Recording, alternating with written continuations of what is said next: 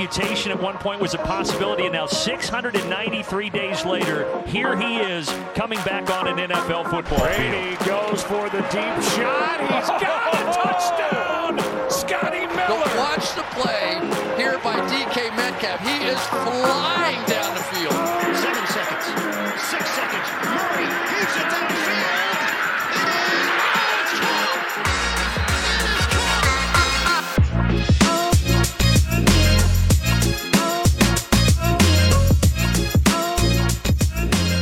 Welkom bij een nieuwe aflevering van de Sport Amerika Fantasy Football Podcast. Waarin we vooruitblikken op het weekend in de NFL dat gaat komen. En met je doornemen welke fantasy spelers je moet opstellen en welke zeker niet. En ik doe dat niet alleen, want ik ben hier met Lars Leeftink.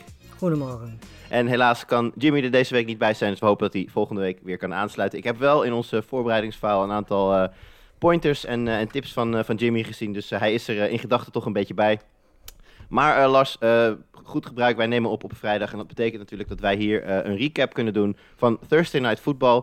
Nou, vorige week deed ik dat al met, samen met Ton natuurlijk. En deze week is het aan ons de beurt. En nee, goed, we hebben gekeken. En ja, wat een wedstrijd weer. Ja, nee, het was, we hebben het over de Giants tegen Washington voetbalteam natuurlijk. Wedstrijd eigenlijk vanaf begin tot het einde. met zeker het einde natuurlijk. ja, het zat eigenlijk vol spektakel, vol gebeurtenissen die niet alleen natuurlijk eh, qua wedstrijd zelf, maar ook fantasy-wise interessant waren. Ehm, ja, de meest interessante dingen die ik zag, eh, even voor duidelijkheid, Washington won met 30-29 nadat eh, ze eerst een field goal gemist hadden. Er was een penalty bij, bij de Giants, waardoor die penalty, waardoor die, ja, die, de, de free, Ja. free throw wou ik zeggen, Het is- het geen NBA, field goal opnieuw genomen moest worden. En die ging er wel in, daardoor won Washington. Ehm, maar er vielen me wel een paar dingetjes op. Eh, ten eerste dat Daniel Jones fantastisch was. Ehm, niet alleen met, eh, met zijn arm, maar ook met zijn benen. Hij had 95 rushing yards en de touchdown.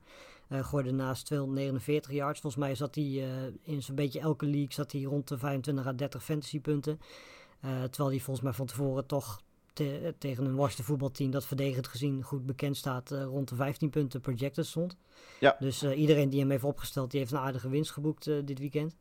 En ja, verder, eh, wat mij ook opviel was de, de connectie McLaurin en Heineke, die, eh, die heel goed was. Sowieso was Heineke fantastisch. Die, die bal op eh, Ricky Seals-Jones eh, in het vierde kwart was echt fantastisch. En, ja, een hele mooie bal. Ja, verder McLaurin die kreeg 14 targets, had in totaal 11 catches, 107 yards en een touchdown. Het was duidelijk dat hij de, de voornaamste target was om, om naar te kijken. En ook interessant dat McKissick inderdaad weer fantasy relevant is, want ja... hij had nou ja, op zich 4 rushing yards voor 10, eh 10 rushing yards naar 4 carries. Maar Ja. hij had ook eh 5 catches voor 83 yards. Precies in de rol zoals we hem kennen natuurlijk. En, eh, Ja, al moet je er ook wel bij zeggen dat normaal gesproken die goal line carry, ja, dat was natuurlijk wel een bittere pil voor alle Gibson-eigenaren, dat die precies de, de, de goal line touchdown naar eh, McKissick ging. ja. Ja, dat is natuurlijk pure pech als je Gibson in je team hebt staan, want die eindigt deze week in de meeste leagues zo rond de 8 punten. En dat is natuurlijk niet wat je van een, van een RB1 wil zien. ja, dat was vorige week ook al zo hè. Ja, ja die, die is, eh, dat is een, mag, mag je met recht noemen, een slow starter. Nou, daar komen we misschien straks nog wel even op, wat dat voor kansen zou kunnen bieden. Wat ik nog wel interessant vind om te melden, eh, je zegt Heineken speelde geweldig, is zeker waar. Maar het duurde wel even voordat hij op gang kwam. Ik, eh, tijdens het eerste kwart, tegen het einde van het eerste kwart, Giants stond op dat moment 7-0 voor. Er Ja. kwam er een stat in beeld en toen hadden de Giants op dat moment 120 total yards en Washington had er min 3. Ja. En eh, dat, was, eh, dat was zo een beetje halverwege of tegen het einde van, van het eerste kwart. En dan vanaf het tweede kwart begon Heineken veel meer eh, Terry McLaurin op te zoeken ook. Ja, toen begon het, toen begon het te lopen en werd het de prachtige wedstrijd die we hadden gezien. Er werd trouwens volgens mij ook nog een, een, een touchdown run van Daniel Jones teruggecalled door een, Ja. een holding penalty aan, op de, nou niet op de Klopt. offensive line, maar verderop in het veld werd er een blok gezet en dat, dat, die werd teruggefloten. Anders was het nog een veel ziekere fantasy dag geweest voor, voor Daniel Jones. Ja, dat was volgens mij ook gewoon 40 jaar, yards was dat volgens mij. Ja, dat was een 40, 50 yards eh, touchdown run. En eh, nou goed, wat je terecht aangaf, ik denk dat dat, dat eh, voor velen hier, die misschien met ja, toch wat teleurstellende quarterbacks te maken hebben in hun team, een goede optie zou kunnen zijn om Daniel Jones komende week van de waiver wire af te halen. Mocht hij inderdaad zoveel blijven rennen als dat hij nu doet, dan zou dat goede dingen kunnen betekenen voor zijn fantasywaarde. Ehm ja, dat hebben ze allemaal wel gehad. Aan de kant van, eh, aan de, kant van de Giants misschien nog. eh Saquon Barkley zag een paar keer zag hij er vrij goed uit. Het kwam er, het kwam er nu in, in de stats nog niet helemaal uit. Het zal je niet heel veel punten hebben opgeleverd. Hij heeft ook geen touchdown natuurlijk. Maar hij had op een gegeven moment een goede run van een yard of 30 langs de, waar echt wel weer die, die, typische Saquon eh, Barkley burst in zat. En ook wat, een beetje shifty eh, in zijn downhill runs, waarbij hij af en toe een beetje, nou ja, wat, wat, wat mensen sidestept en zo. Wat ik zeg, je hebt het nu deze week, had je er nog niet zoveel aan. Ik hoop dat je hem niet hebt hoeven opstellen. Maar eh, ik heb wel goede hoop dat uh, Saquon Barkley zijn eigen niveau ergens dit seizoen wel weer zal halen. Ja, zeker. Maar weet je, dit is misschien ook wel de reden dat Jones zoveel rent. Ze zijn natuurlijk nog niet, uh, ze gaan natuurlijk nog geen full work workload geven. Ik bedoel, hij heeft 13 carries gehad uh, afgelopen nacht. En ik denk dat juist daarom de reden ook is dat Daniel Jones zo vaak uh, kan rennen. Want het is niet zo dat hij moet scramblen. Het zijn echt, uh, echt opties, echt quarterback runs. Ja. En ik, ik, denk dat dat gedurende het seizoen wel wat minder gaat worden. Naarmate Barkley ook gewoon beter in zijn ritme en in zijn vorm komt. Aan de andere kant, hoe gevaarlijker Barkley wordt, hoe gevaarlijker die, die ja. run options worden. Want Zeker. je zag een heel aantal keer dat zeg maar, de line en de running back naar rechts gingen. Waardoor links helemaal open kwam. En Daniel Jones hield de bal in zijn handen en ging naar links. En ja, pakte Ja. zo easy uh, 10 yards. Ik denk dat ze die er zeker in gaan houden. Um, aan de kant van de receivers nog. Uh, ik wil het toch eventjes Sleten noemen. Die de wedstrijd in zijn handen had. Ja. Een uh, schitterende diepe bal van, uh, van Daniel Jones. Blown coverage van, van Washington, mag je ook wel zeggen. Vogeltje vrij in de endzone, maar hij kon de bal net niet vasthouden. Dat, had, een, ja, had een heel ander beeld opgeleverd. Ja, en, en Sterling Shepard, toch wel een, een aardige comeback game. Ja, ja, zal ik maar meteen mijn, uh, mijn buy of sell noemen dan? Want hij staat erbij, of wil je dat... Uh, nou, daar komen, we later, daar komen we later nog wel op terug. Ook omdat we dan even uitleggen uh, ja, waarom we hebben gekozen. Maar het is inderdaad, ja. jij had hier al neergezet, Shepard is een must pick-up. Ja.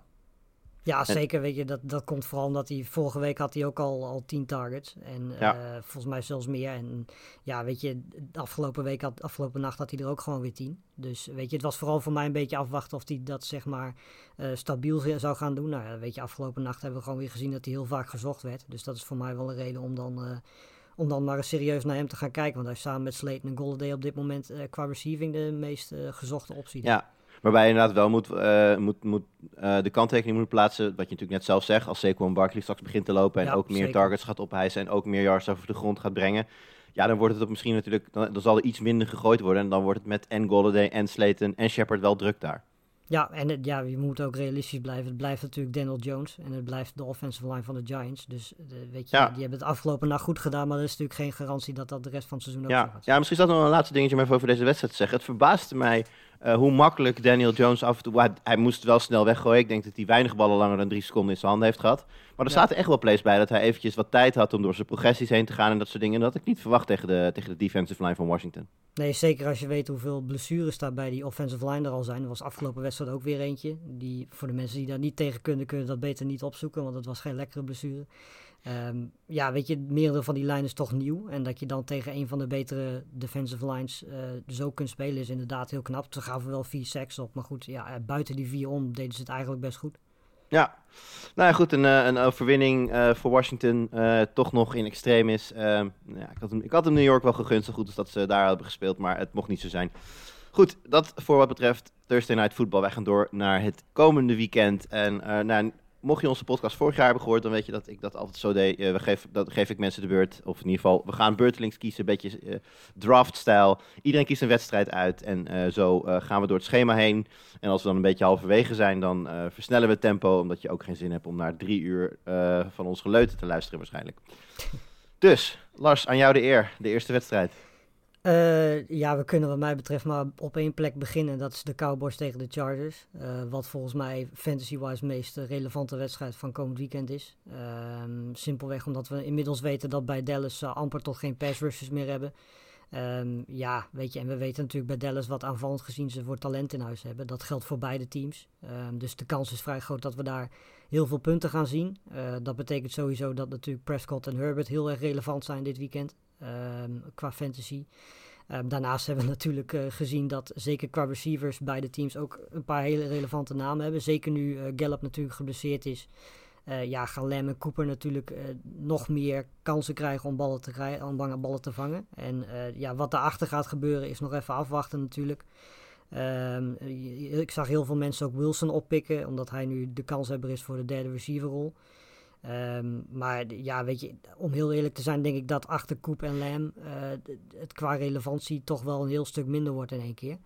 Ehm, dus ik denk dat, dat er vooral naar Lambert Coop gekeken moet worden wat dat betreft. En eh, Ja. ja, bij, bij, bij de Chargers mag het duidelijk zijn dat Allen en Williams natuurlijk relevant zijn. Ook Cook. Zeker omdat hij zo'n zo'n touchdown en endzone uh, threat is, is het natuurlijk een interessante naam. Ehm, dus ik denk dat, dat zeker in, in de passing game gaan er echt een hele paar interessante namen zijn in, uh, in deze wedstrijd. Ja, uh, Cook is zelfs volgens mij in een heel aantal leagues nog beschikbaar als free agent. Dus uh, nou goed, we zijn, de, de waivers zijn natuurlijk al geweest. Hè. Die vinden over het algemeen op, uh, op woensdag of donderdag plaats, afhankelijk van je, van je league settings. Dus nou, wie weet heeft iemand hem al opgepikt. Maar mocht hij nog beschikbaar zijn en nou ja, twijfel je over je eigen tight end, dan is dat misschien een goed idee. Ik heb mezelf bijvoorbeeld ergens opgepikt in een league waar Gerald Everett had. Nou, die had vorige week best een prima week, maar ook maar drie targets. Dus dan kan je daar niet echt op bouwen. Maar uh, Koek, wat je net terecht zegt, de twee uh, zeer potente aanvallen, twee, nou ja, niet per se super goede defenses. Dit zou wel eens een heel high-scoring potje kunnen worden. Um, ja, ik zit eens te kijken of iemand gemist heeft. Volgens mij zijn we er wel redelijk. Maak jij je nog zorgen over Eckler? Vorige week natuurlijk uh, eigenlijk weinig betrokken in, voor zijn doen, weinig in de passing game. Kreeg wel ineens goal line werk, beetje omgekeerde wereld. Ja. Nou ja, goed, weet je, voor deze wedstrijd maak ik me daar niet druk om, want we moeten niet vergeten dat dat tegen het Washington voetbalteam was. Uh, ik denk wat dat betreft dat hij tegen, tegen de Cowboys echt wel gewoon een betere score gaat noteren. Uh, dus voor deze wedstrijd maak ik me daar niet per se druk om, maar het moet natuurlijk niet iets zijn wat straks gedurende het seizoen ook door blijft gaan. Want ja, weet je, het is duidelijk dat, dat daarachter Roundtree de nummer 2 running back is nu. Mhm. Mm -hmm. En we weten natuurlijk sowieso dat ze daar best wel wat running backs hebben. Dus ja, weet je, het, het, is wel iets om in de gaten te houden. Maar zeker als Eckler in, in de passing game weer wat actiever gaat worden. En in de running game ook gewoon weer die kansen krijgt in, in de endzone. Wat ik komend weekend tegen de Cowboys wel verwacht. Want daar gaan ze meer dan genoeg kansen voor krijgen. Uh, dan denk ik niet dat er nu al per se een reden is om te zeggen van Eckler, daar moet je je al druk om gaan maken. Ja. Oké, okay, nou ik uh, zou zeggen we sluiten deze af en ik wil dat uh, nou ja, toch ook wel doen, gewoon even met een call. Dus uh, ik, ik zal hem beginnen. Ik denk dat de Chargers deze gaan winnen. Ja, ik had de Chargers ook. Oké, okay, cool.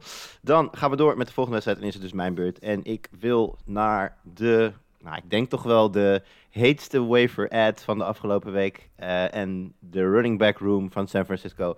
San Francisco op bezoek bij de Philadelphia Eagles deze week. En uh, ik zei het al, uh, de waiver, uh, ik, het moet raar zijn gelopen als in jouw league Elijah Mitchell niet is opgepikt. Of misschien was hij al owned, dat zou natuurlijk ook nog kunnen.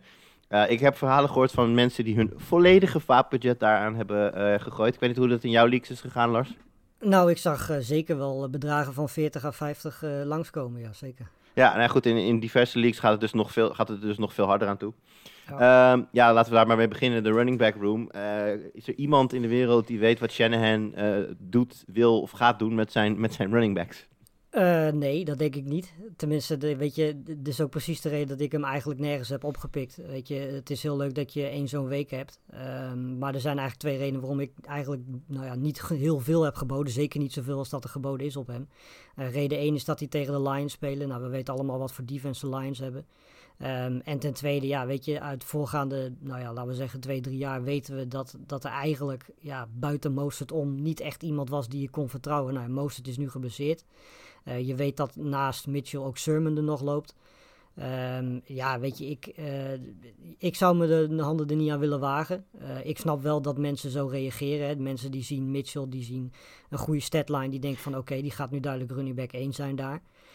Um, maar ja, weet je, uit het verleden spreekt toch wel iets, iets anders. En uh, Ja. zelfs als Elijah Mitchell bijvoorbeeld komend weekend tegen een hele goede, hè, want dat moeten we ook even zeggen, defensive line van de Eagles. Uh, als hij het daar goed zou doen, um, ja, weet je, dan is het nog absoluut alles behalve een garantie dat hij de rest van het seizoen ook die rol blijft houden. Um, en ik vind ook de, de matchup tegen de Eagles is natuurlijk ook geen, uh, geen gunstige wat dat betreft. Dat zeker niet. Uh, komt nog bij uh, dat de 49ers Trenton Cannon hebben geclaimd.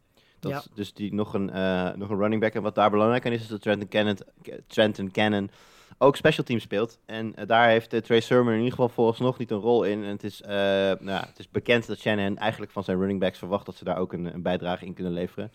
Ja. Wat er dus natuurlijk kunnen leiden dat, eh, nou ja, de kans dat Mitchell een healthy scratch zou worden is vrij klein. Ehm Hasty heeft ook een vrij duidelijke rol. En als Cannon dan als, eh, als special teamer eh, ook gedressed wordt, ja, dan zou er best wel weer eens een tweede healthy scratch op rij kunnen komen voor Trey Sermon. Eh, ik heb hem overigens wel in een aantal leagues toch aan boord gehaald, Trey Sermon, omdat ik gewoon de, de gok wel wil nemen eh, dat hij op de een of andere manier toch nog eh, ja, de startende running back daar gaat worden. Ik denk namelijk dat hij wel de meest getalenteerde is van het setje. Ja, Als- ook omdat hij natuurlijk in, eh, weet je, tenminste dat heb ik uit college ook van hem gezien, dat hij in de passing game ook wel wat kan. Dus weet je, mochten de Giants bijvoorbeeld, hebben natuurlijk afgelopen weekend tegen Lions niet gezien dat ze voorstonden. Maar mochten Ja. ze eh, op achterstand komen, dan gaat Mitchell ook wel gewoon op het veld staan, dat je weet dat hij ook in de passing game wel relevant is. Ja. Eh, gaan we even door naar de wide receivers. Een grote verrassing natuurlijk vorige week. Brandon, Brandon Ayuk, van tevoren gedacht Ja. de beste voor fantasy dan toch wide receiver. Ja, een grote ronde 0 in je, in je scorelijst. En eh, hij zit, zoals dat heet, in de doghouse. Ja, wij verwachten eigenlijk allemaal, als je weet wat voor talent Ayuk is, als je weet hoe die vorig jaar gespeeld heeft, dat dat dan is vanwege een blessure of vanwege dingen buiten het veld. Maar het is gewoon simpelweg omdat hij blijkbaar verslagen is door, eh, door Sheffield onder meer. En hij daar op dit moment gewoon achter staat en daardoor eigenlijk gewoon ja, geen kansen krijgt en überhaupt geen targets krijgt. Eh, eigenlijk, ik weet eigenlijk niet eens, stond hij vorige week op het veld? Volgens mij niet eens, of wel? Maar hij was wel actief, maar ik weet niet of hij gespeeld heeft. Maar het is nog erger, hè? Want ze deden dus eh, bij de drills... eh, maakte hij niet alleen geen onderdeel uit van de nummer 1 en 2... maar ook niet van de nummer 3 en 4 en ook niet van de nummer 5 en 6. Hè, die runnen dezelfde drills, beurt na, beurtelings. Maar hij moest als zevende wide receiver de wide receiver drills in zijn eentje doen. Dus, dus zonder dat er een andere wide receiver aan de andere kant liep. Ja, dat Ja. is een beetje... Ik denk dat je dit moet vergelijken met eh, trappen lopen in de arena... omdat de trainer je te dik vindt, zeg maar. Dit is echt... eh, ja, nee, maar dit, dat, dat is dit toch? Dit is gewoon Ja. Shanahan die, die ja, een, een- niet tevreden is over... Want dat, dat is ook het verhaal, hè? Het gaat steeds over zijn professionalisme, over ja, dat, hij er, dat hij er mentaal niet klaar voor is, et cetera. En eh, hier lijkt een, een een lesje geleerd te worden. En, en ik hoop in ieder geval voor, voor Ayuk en voor de 49ers dat, het, dat ze eruit komen samen. Want ik denk wel dat hij, eh, nou, misschien samen met Debo, maar toch wel de, meest getalenteerde wideout is daar. Ja, zeker. Nee, maar ik, ik heb ook getwijfeld of ik hem bij, bij Cel zou zetten. Ehm, het probleem is natuurlijk wel dat je op dit moment gewoon niet kan cellen. Omdat ja, niemand weet wat de toekomst voor, voor Ayuk in gaat houden. Dus niemand gaat daar natuurlijk in, in fantasy een gok mee wagen om, om hem voor hem te traden bijvoorbeeld. Ja, Ehm, maar het mag in ieder geval wel duidelijk zijn dat op dit moment eh, qua receiving Samuel en Kittle daar de meest relevante namen zijn. Ja, absoluut. Eh, kijken we nog even naar de andere kant. Eagles eh, spelen thuis. Zagen er in week 1 natuurlijk heel erg goed uit. Met name ook door Jalen Hurts. Een hele sterke prestatie. Nou ja, mede dankzij zijn benen natuurlijk sowieso al snel fan- fantasy relevant. Waar het lastiger is, eh, het, is, was in ieder geval eh, Dallas Goddard. Eh, iedereen had natuurlijk verwacht dat Zach Ertz zou vertrekken in het offseason. gebeurde niet. Ja, en toen wisten we eigenlijk al wel van Goddard zal wel de leading tight end worden. Maar zolang Ertz op het veld loopt, is het lastig om hem te starten. Want je weet dat Ertz ook wel wat werk gaat krijgen. Ehm, nou, is, is het wel zo dat Ertz last heeft van een hamstringbestuur? Ik weet niet of hij wel of niet gaat spelen. Ik weet niet of jij dat hebt meegekregen, Lars. Nee, nee ik weet alleen dat er een vraagteken achter stond. Ja, nou goed, mocht het, hou- dat is iets om in de gaten te houden. Mocht Ertz nou oud zijn, dan denk ik dat Goddard heel snel omhoog schiet eh, in de, in de tight end rankings. Maar anders, eh, als ze beide active zijn, vind ik het lastig om, eh, om ze te starten. Ja. En bij de running backs, nou ja, natuurlijk op Miles Sanders nog steeds de nummer 1 daar. Maar het viel mij vooral op. Ik had, nou ja, viel op, ik had vooral niet verwacht dat eh, Kenneth Gainwell al meteen zo'n zo'n grote rol zou krijgen. Jij kent hem natuurlijk hè, als, vanuit, vanuit het collegevoetbal. Had jij ingeschat dat hij meteen al zo actief zou zijn? Eh, nou, ja, ik had wel verwacht dat hij zeg maar op, op third downs eh, heel vaak als, als bijvoorbeeld een receiver opgesteld zou worden. Ook omdat we natuurlijk weten hoe de situatie qua receivers bij, bij de Eagles is. Nou, hij was Ehm, vooral, hè. Want nu hebben ze ja, natuurlijk met, met Devonta Ja, Smith en. Jalen Rager... hebben ze nu dan Ja. eindelijk een echt heel duidelijke en ook goede 1-2. Vorig jaar hadden ze eh, niemand. Eh, maar wat mij vooral opviel is dat hij ook gewoon negen carries kreeg. Ja. Eh, en weet je, dat, dat had ik dan op zich weer niet verwacht. En ja, dat maakt hem natuurlijk ook meteen wel interessant voor, voor, voor fantasy. Omdat ja, weet je, als je beide kunt doen en Gamewell kan dat. Eh, en je hebt ook nog eens het talent, ja, in Dynasty is die waarschijnlijk door de meestal wel opgepikt. Maar ja, in een seizoen, eh, zeker als je weet dat achter Sanders de ruimte is voor, voor een running back 2 en Gamewell kan die plek pakken. Het probleem is natuurlijk wel dat Hurts daar ook rondloopt. Die gaat ook zijn carries krijgen. Ja. Ehm, maar ik, ik vind het sowieso gevaarlijk om nu al conclusies over de Eagles te hebben. Want we weten natuurlijk ook allemaal dat ze tegen misschien wel een van de minste defenses gespeeld hebben afgelopen week. Eh, dat zijn de Falcons. En wat dat betreft krijgen ze deze week tegen de, tegen de 49ers natuurlijk wel een eh, veel grotere uitdaging. Ondanks dat die ook alweer 300 blessures hebben. Nee, dat is zeker waar. En eh, nou ja, laten we maar gewoon eh, de koe bij de horens vatten dan. Eh, ik opende de voorspelling net, dus jij mag nu eerst. Ehm, eh, ja, San Francisco. Ja, ik zeg toch de Eagles. Ik denk dat de Eagles met een thuisvoordeel achter zich en een goed gevoel naar week 1 en eh, behoorlijk wat kwaliteiten ook dit zouden kunnen winnen. Ik denk dat ik het met je eens ben dat op papier de San Francisco 49ers favoriet zijn. Maar ik weet niet, goed gevoel bij de Eagles. Ik zeg de Eagles. Ja. En dan is de volgende wedstrijd voor jou.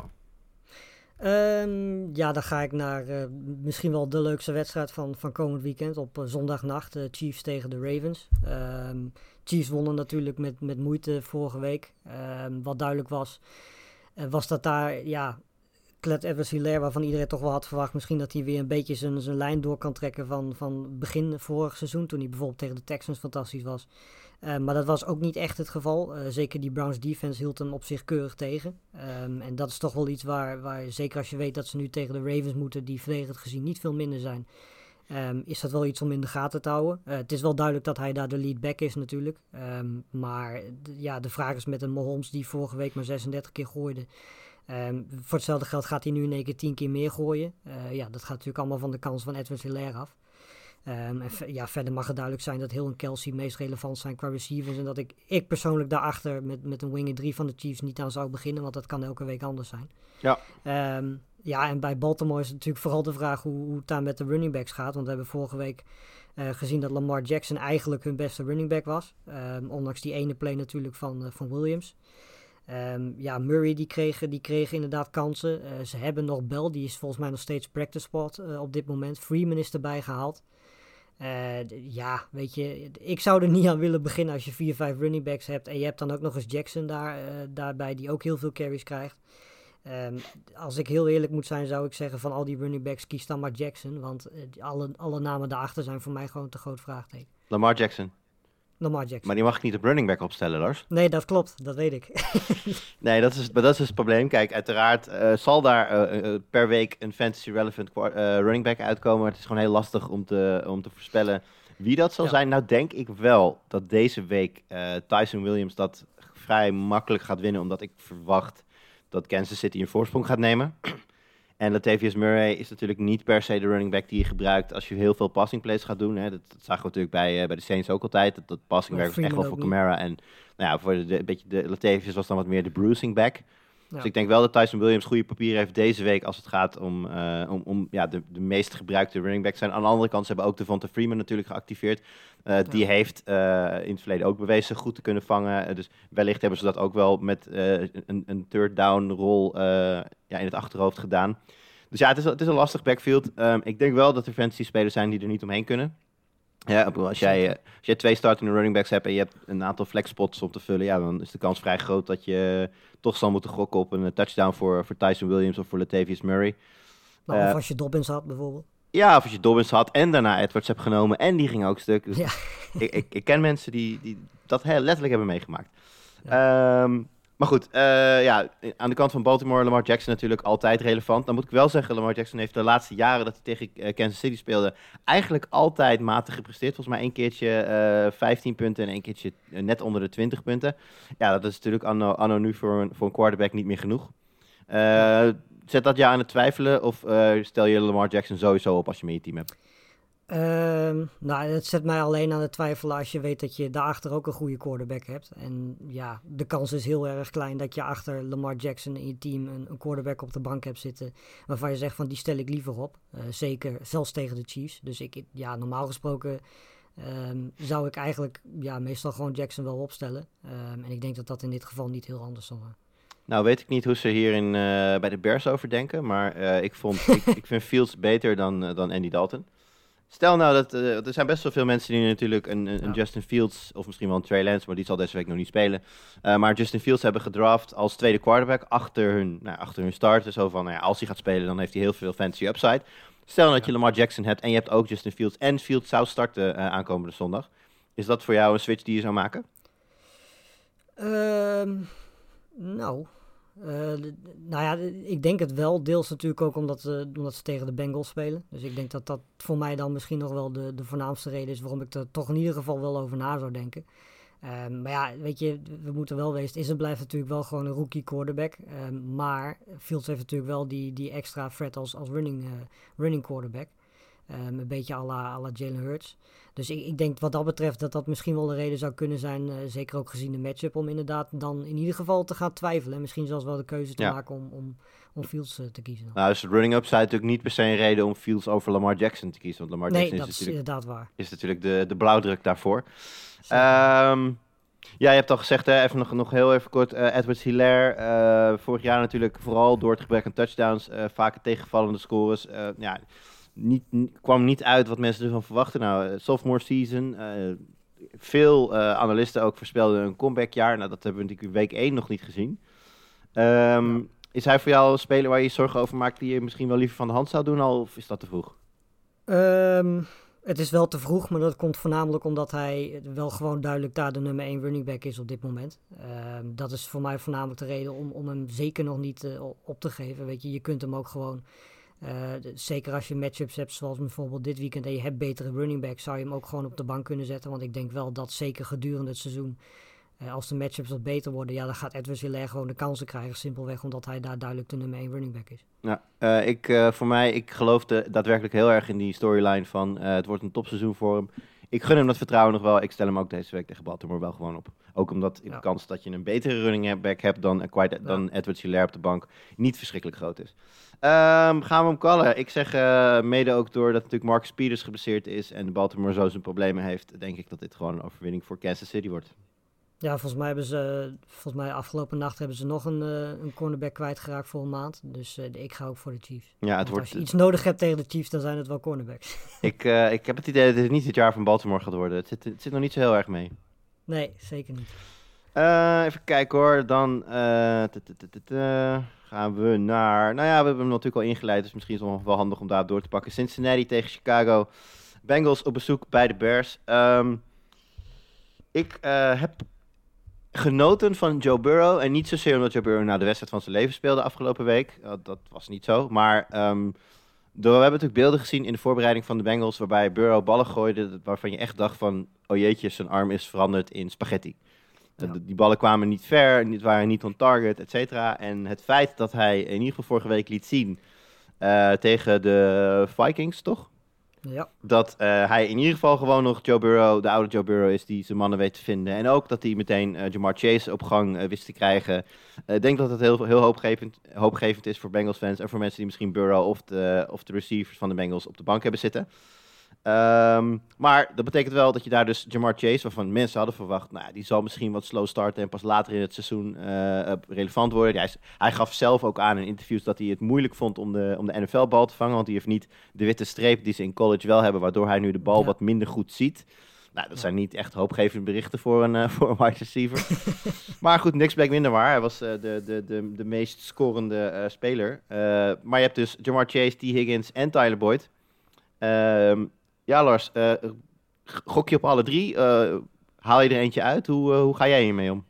Eh, ja, lastig. Weet je, ik, ik heb in een paar leagues heb ik Higgins. Die stel ik eigenlijk altijd wel op, omdat dat iemand is die natuurlijk ook eh, een blik, big play kan hebben. Ehm, daar waar je natuurlijk met, met Jason Boyd iets meer kijkt naar, naar, naar ja, volume wat dat betreft. Ehm, maar het, is heel lastig, omdat natuurlijk Mixon is ook iemand. Zeker als je achter staat, die zal ook actief zijn in de passing game. Dan heb je nog eh Uzuma, die had ook eh, volgens mij twee catches afgelopen week. Die is ook weer terug. Ehm, dus ja, weet je, je hebt daar eigenlijk vijf mensen die, die, die strijden om, om, om targets. En eh, vorige week was het, nou ja, duidelijk. Maar in ieder geval stonden Chase en Higgins bovenaan qua targets. En we hebben het er volgens mij vorige week ook al, vorig jaar ook al vaak over gehad. Dat, dat ze gewoon heel veel wapens hebben. Ehm, ja, het is heel moeilijk om in te schatten. Ik denk dat dit gewoon zo'n situatie gaat zijn waar je elke week weer een andere receiver hebt die, die goed gaat zijn. En afgelopen week was dat Chase. En dat kan dit weekend zomaar een Higgins of een Boyd zijn. Ehm, dus wat dat betreft is het heel lastig. Ehm, ondanks dat denk ik dat dan zelfs als ze niet per se de nummer 1 optie zijn, dat, dat een Boyd en een Higgins er toch nog genoeg eh, ja, punten verzamelen en gevaar zijn ook in, in bijvoorbeeld de red zone, dat het gewoon interessante namen zijn om op te stellen. Maar het mag wel duidelijk zijn dat hun waarde natuurlijk naar beneden gaat door het feit dat ze zoveel concurrentie om hen heen hebben. Nou is aankomende week natuurlijk een lastige matchup tegen de Bears. Eh, nou, niet zo goed als dat ze e- enkele jaren geleden waren hun defense, maar nog steeds wel, ook zeker tegen de run, vrij stevig. Eh, Ja. Zou dat kunnen betekenen dat dit een, ja, bijvoorbeeld voor Mix... Ja, kijk, als je Joe Mixon in je team hebt, dan, het eigenlijk een beetje zelfs met Edward Hilaire. Eh, als je een tegenvallende week van Mixon verwacht, wat er tegen de Bears best wel in zit, dan eh, denk ik dat de kans niet zo heel groot is dat je iemand hebt die per definitie meer gaat scoren. Dus ik denk dat dit gewoon een, situatie is waarbij je dan maar de dobbelsteen rolt en hoopt dat het goed valt. Ja, en weet je, daarnaast is natuurlijk, weet je, als eh, Cincinnati achterkomt, wat natuurlijk best kan, dan is, staat Mixon nog steeds op het veld om natuurlijk in Ja. passing plays ook eh, actief te zijn. Dus dat is voor mij alleen maar meer reden om Mixon gewoon op te stellen. Ik maak me wat dat betreft wel iets meer druk om Burrow, want eh, de vorige week werd hij al vier keer gesekt tegen een, een Vikings team dat niet zo hele fantastische pass rushers heeft. En we weten natuurlijk allemaal van Chicago dat daar Eden Ja. Mack rondloopt. Ehm, en daarnaast nog een paar andere spelers die dat ook kunnen. Ehm, dus ik, ik zou eigenlijk van alle spelers die Cincinnati heeft, misschien wel het meest twijfelen over of ik Burrow op zou stellen of niet. Nou, aan de andere kant van de bal denk ik dat er eh, één vraag vooral beantwoord moet worden. eh, wie wordt de starter? Houden ze daar vast aan Andy Dalton of wordt het toch Justin Fields? En ja, Ja. daar verandert dan natuurlijk alles mee. Want eh, dan zal het waarschijnlijk, dus dat is mijn gok, de, de aanval beter gaan lopen. En dan wordt het beter voor iedereen. Ehm, ja, met deze onduidelijkheid in je achterhoofd. Zijn er spelers behalve David Montgomery en, eh, en eh, Allen Robinson die je per definitie start? Of is dat toch allemaal een beetje te link daar? Ehm, nou ja, als je dan naast die twee iemand zou moeten noemen, denk ik dat, eh, dat Mooney, die had volgens mij afgelopen, afgelopen week ook acht of negen targets, zoiets. Die, Ja. ja. die zou ik dan nog wel overwegen. Eh, maar ja, een Cole Kmet viel me eigenlijk ook wel een beetje tegen afgelopen week. Eh, ondanks dat hij natuurlijk altijd nog wel een, een red zone threat kan zijn. Maar daar is de gok toch wel iets, iets groter geworden nu, omdat er heel veel targets naar andere spelers gaan. Ehm, dus als ik iemand daarachter zou kiezen, zou het Ja. Mooney zijn. Ik eh, zou zelf ook nog denken aan Damian Williams, die toch wel heel duidelijk die Terry Cohen-rol eh, op zich lijkt te krijgen. Ik weet alleen niet of dit er een week voor is. Weet je, dat, dan zou ik wachten tot Chicago tegen een iets sterkere tegenstander speelt ook, eh, waar ze misschien zelf Ja. wat lastiger tegen scoren en meer aangewezen zijn op passing plays. Maar het lijkt er toch wel sterker op dat Montgomery in ieder geval niet een al te grote rol in de passing game gaat krijgen en dat dat dan toch echt het baantje van Damian Williams zal worden. In ieder geval zolang Terry Cohen oud is. Dus dat is misschien een goede speler om op je, om op je bank eh, te stashen. Maar ik verwacht niet per se deze week al een, eh, al een grote bijdrage van, eh, van Damian Williams. Goed, Bengals het Bears. Lars, zeg het maar. Ehm, ik heb de Bears. Ik, ja, het is eigenlijk leuker dan voor mij om Bengals te zeggen. Maar ik denk dat je gelijk hebt en dat het de Bears gaan worden. En dan mag jij weer een volgende wedstrijd gaan kiezen.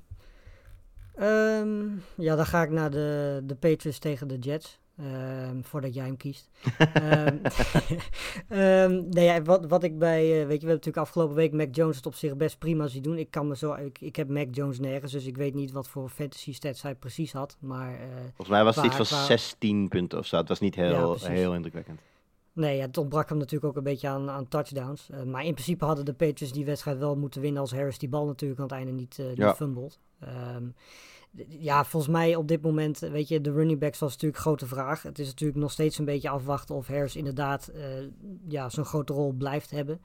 Ehm, maar goed, eh, ja, weet je, er is natuurlijk wel wat meer vraagtekens nu Harris die fumble gehad heeft. En vorige week was het duidelijk dat Harris de meeste kansen kreeg.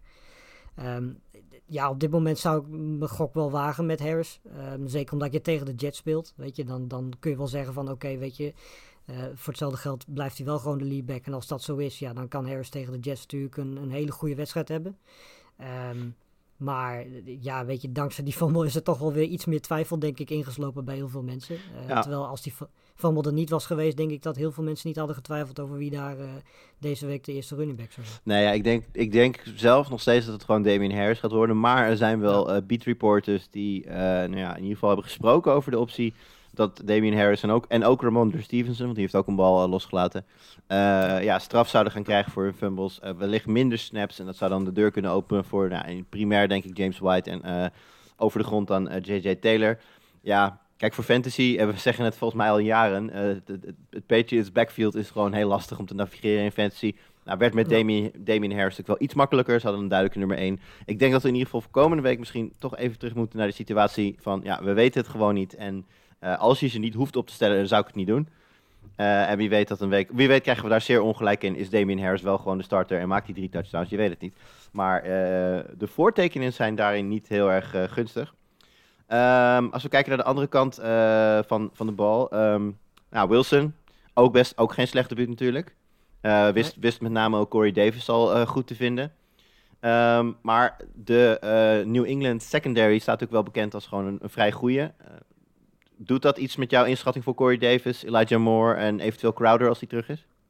Uh, vooral die laatste twee namen. Ik denk dat Corey Davis, uh, weet je, we hadden van tevoren al gezegd dat Corey Davis iemand was die, die dit jaar echt wel de receiver 1 zou kunnen zijn bij de Jets. Ik denk dat het afgelopen week ook wel duidelijk is geworden uh, met zijn zeven targets dat dat wel het geval was. Viel mij wel op dat Barrios ook zeven targets had. Um, ik weet niet precies waar dat vandaan kwam, maar um, ik verwacht nog steeds, weet je, als je iemand moet kiezen qua qua Jets, uh, de receivers komende week. Uh, en het is inderdaad geen goede matchup. Dan, dan zou Corey Davis wel, ook vanwege zijn twee touchdowns natuurlijk ja. afgelopen week. En blijkbaar heeft hij een goede connectie met Wilson. Dus dat, weet je, dat is ook belangrijk. Ik denk dat dan dat dan Davis ja, voor mij wel de duidelijke keuze zal zijn. Maar het zal ook afhangen van uh, ja, of die offensive line een beetje Wilson de tijd kan gaan gunnen. Want dat was afgelopen weekend ook niet echt het geval. Ja, dat zou wel eens een probleem kunnen worden. En ook de front seven van, uh, van New England. Is, New England is natuurlijk ja. een team met vooral een vrij goede defense. En nou, een heel erg unproven en afgelopen week niet heel indrukwekkende offense. Maar dat zou in ieder geval kunnen betekenen dat Wilson het lastig genoeg uh, krijgt aan zijn kant. Um, nou ja, naar de call. Uh, het zal je niet verbazen dat ik, dat ik zeg Patriots. Ik denk dat de, dat de offensive line van uh, de Jets niet opgewassen is tegen de defense. En ik denk wel dat de offense van de Patriots meer gaat scoren dan tegen de Dolphins. Als, al, zijn het maar in ieder geval 18 punten. Meer dan, meer dan 16 in ieder geval. nee, ja, goed. Ik, ik denk dat, dat de Patriots deze gaan winnen. Ja, ik ook. Oké, okay, dan uh, gaan we door. En dan ga ik naar de reigning Super Bowl champions die hun home opener hebben. En wie komen er op bezoek? Divisiegenoot Atlanta. Nou, dat, de call zal niet heel spannend worden hier, denk ik, uh, Lars. Maar ik wil, ik wil toe naar een tight end die in heel veel drafts, redraft league zelfs, als um, vierde tight end van het bord ging. En uh, afgelopen week hebben we hem natuurlijk amper gezien. Uh, maken wij ons al zorgen om Pits? Um, ik denk dat vooral de mensen die hem zo vroeg gedraft hebben zich zorgen moeten maken. Omdat, ja, weet je, ik, ik denk dat eh, de mensen die misschien al wat lange jaren fantasy spelen, die zullen wel geweten hebben dat het toch wel een beetje, eh, zeker in een, een, een league waar je één jaar speelt, eigenlijk gewoon te vroeg is om Pits op die plek al te kiezen. Uh, rookie tight ends starten gewoon meestal niet zo snel.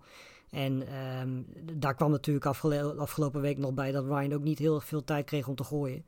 Uh, die werd eigenlijk constant onder druk gezet uh, door de Eagles. Dus uh, weet je, ja, uiteindelijk had hij acht targets, vier catches, 31 yards. Um, het ding is alleen met Pitts natuurlijk wel, die blijft natuurlijk wel iemand die ook in de endzone een, een gevaar gaat zijn. Die blijft gezocht worden. Ja. Um, dus ik, ik, denk wat dat betreft, weet je, zorgen om Pitts nee. Maar voor de mensen die ja, en toch wel redelijk vroeg gedraft hebben. Ik denk niet dat hij in de buurt van het niveau zal komen van, van die drie, vier talents waar hij omheen gedraft werd. Um, alleen het, het, is veel te vroeg om nu al te zeggen van nou, Pitts, dat, dat wordt hem dit jaar niet. Um, alleen ja, hij heeft komend weekend natuurlijk ook geen gunstige matchup. Nee. En als uh, Ryan al onder druk wordt gezet door de Eagles, dan wordt dat tegen de Buccaneers al een heel, nog een heel stuk lastiger natuurlijk. Ja, wat uh, Jimmy heeft hier ook een notitie bij gezet. Die zegt, ik heb totaal geen zorgen om, om Pitt. kreeg acht targets en dat zegt genoeg. Ja. Dat is ook wel weer waar. En tegelijk wat jij zegt, lastige matchup. Misschien is dit wel, hè, als je nou Kyle Pitts eigenaar bent Misschien wel een goed moment om te kijken of Jared Cook inderdaad vrij is op jouw uh, free agency. Ja. Dat zou ik voor deze week helemaal geen rare switch vinden. Um, ja, Tampa Bay, een goede, goede defense, ook tegen de run. Uh, daar, we hebben Ezekiel Elliott eigenlijk helemaal niet gezien vorige week. Uh, ja, Mike Davis, niet een speler ook van het kaliber Elliott. Is dat dan een sit deze week?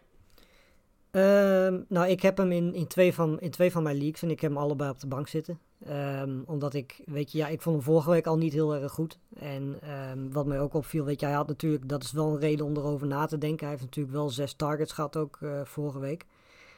wat hem natuurlijk wel weer iets relevanter maakt wat dat betreft. Maar ik kan mij gewoon niet voorstellen, als je tegen de Eagles over de grond al niet heel veel voor elkaar kan krijgen, dat het dan tegen de Buccaneers in één keer op magische wijze wel gaat lukken.